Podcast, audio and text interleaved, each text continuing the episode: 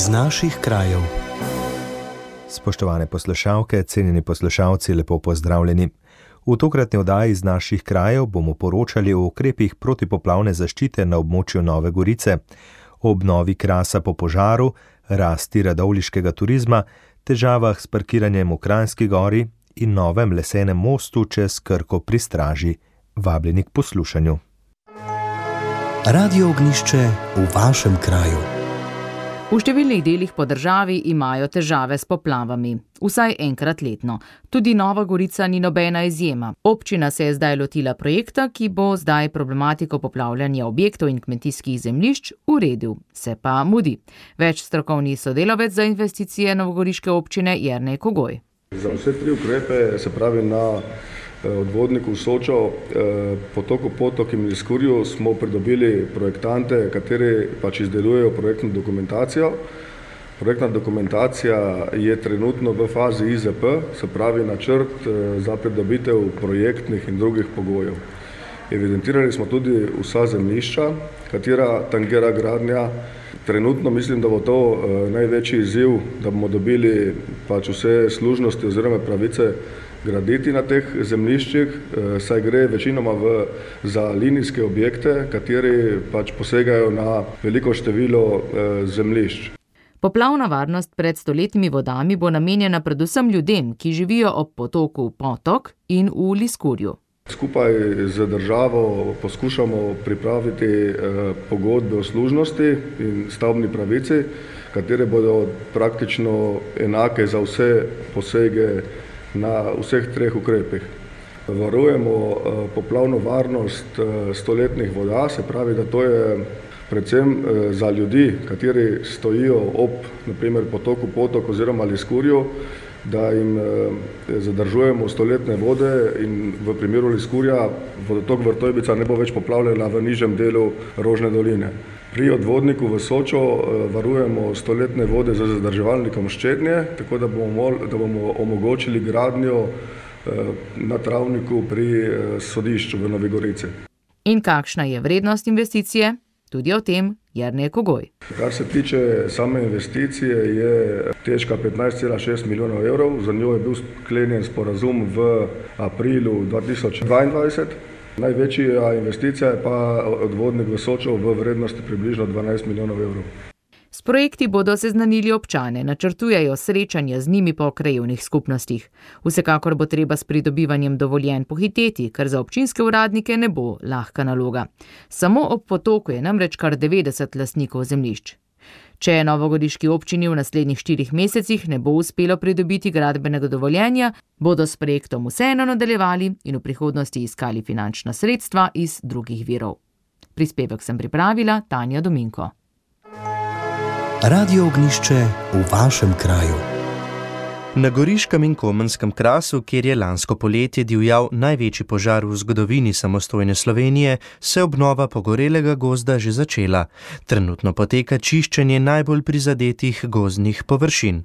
Smo kar zadovoljni, da smo tako hitro zagnali. Večina sanacijskih del naj bi se izvedla predvsem sečnje v letošnjem letu, pa morda dva tisoč štiriindvajset, potem bo pač les izgubil, zgnil, bi rekli, ne, tako izgubil vrednost in ne bo več potem interesa lastnikov in izvajalcev, da bi to posekali, zato se trudimo to čim bolj zagnati. Je pojasnil vodja sežanske enote Zavoda za gozdove Boštjan Košiček in dodal, da ker je obnova s pogozdovanjem hitrejša in drugačna od narave, gozdarji s prostovoljci že zasajajo tudi prve drevesne sadike.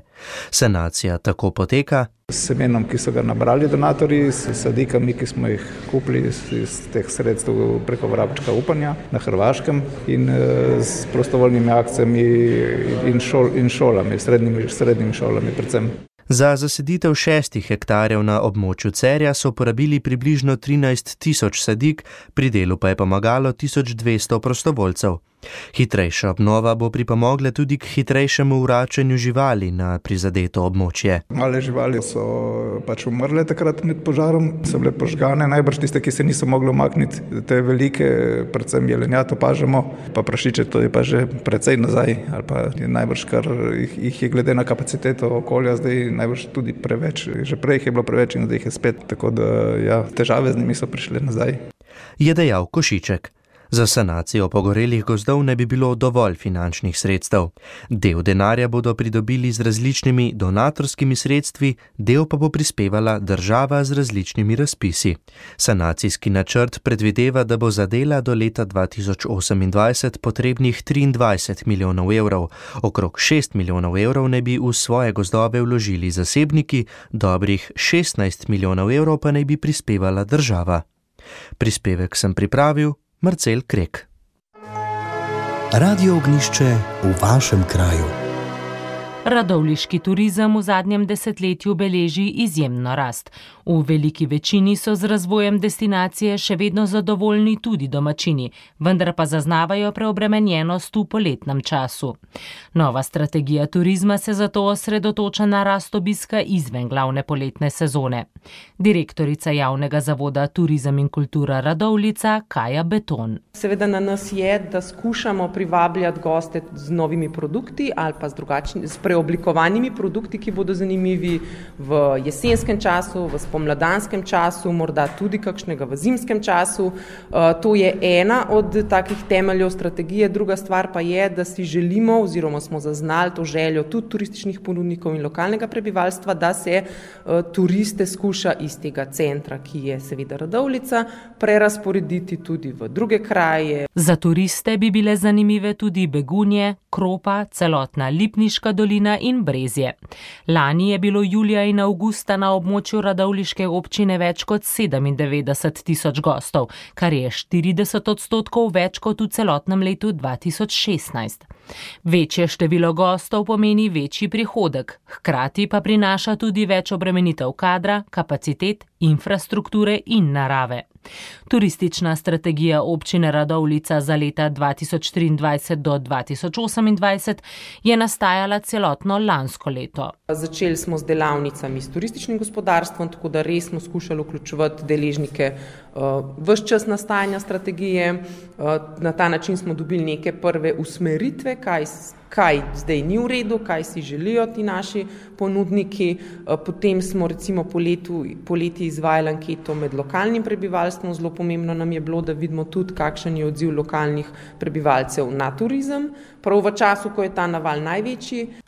Zaključke so na to združili v celoto in jih vsem deležnikom ponudili v pregled. Kot je povzela Betonova, je cilj turistične strategije kakovostna ponudba kraja, ki bi goste privabljala ne le poleti, ampak tudi v pomladnih in jesenskih mesecih. Želimo si predvsem destinacijo, ki temeli na lokalni ekonomiji, odgovornih obiskovalcih in vključeni skupnosti, je sklenila Betonova. Prispevek sem pripravila Manca Hribar. Radio ognišče v vašem kraju.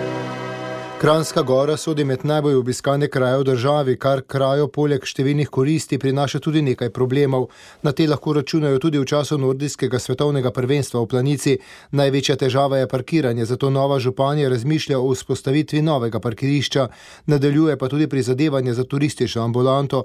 Kot je pred bližajočim se svetovnim prvenstvom v nordijskih disciplinah ocenila Kransko-gorska županja Henrika Zupan, so domačini zadovoljni, da se na območju Kranske gore odvijajo tako veliki veliki dogodki. Če ne drugače, so napolnjene turistične, bom rekla, nastanitvene kapacitete, ki jih imajo tudi domačini nekaj, tudi bom rekla, uh, gostinski in ostali obrati. Tako da na ta način jaz mislim, da je to velik doprinos tudi turizmu nasploh oziroma gospodarstvu. No. Z nordijskim prvenstvom je povezan tudi množičen obisk, saj organizatorji v planici pričakujejo med 100 tisoč in 150 tisoč gledalcev. Bomo rabili potrpežljivost vsi, tako obiskovalci kot uh, mi, uh, občani, da se se bodo pač zadeve vse odvile. Je, to je vse skupaj nekako povezano, ampak je za pričakovati in jaz mislim, da takih dogodkov moramo biti veseli, ker nam nekako ponesajo tudi reklamo. Kot če dodaja županja Kranske gore Henrika Zupan, sta največja težava promet in parkiranje. Ko so parkirišča polna, namreč skušajo obiskovalci avto parkirati na različne zasebne površine, travnike, celo dvorišča.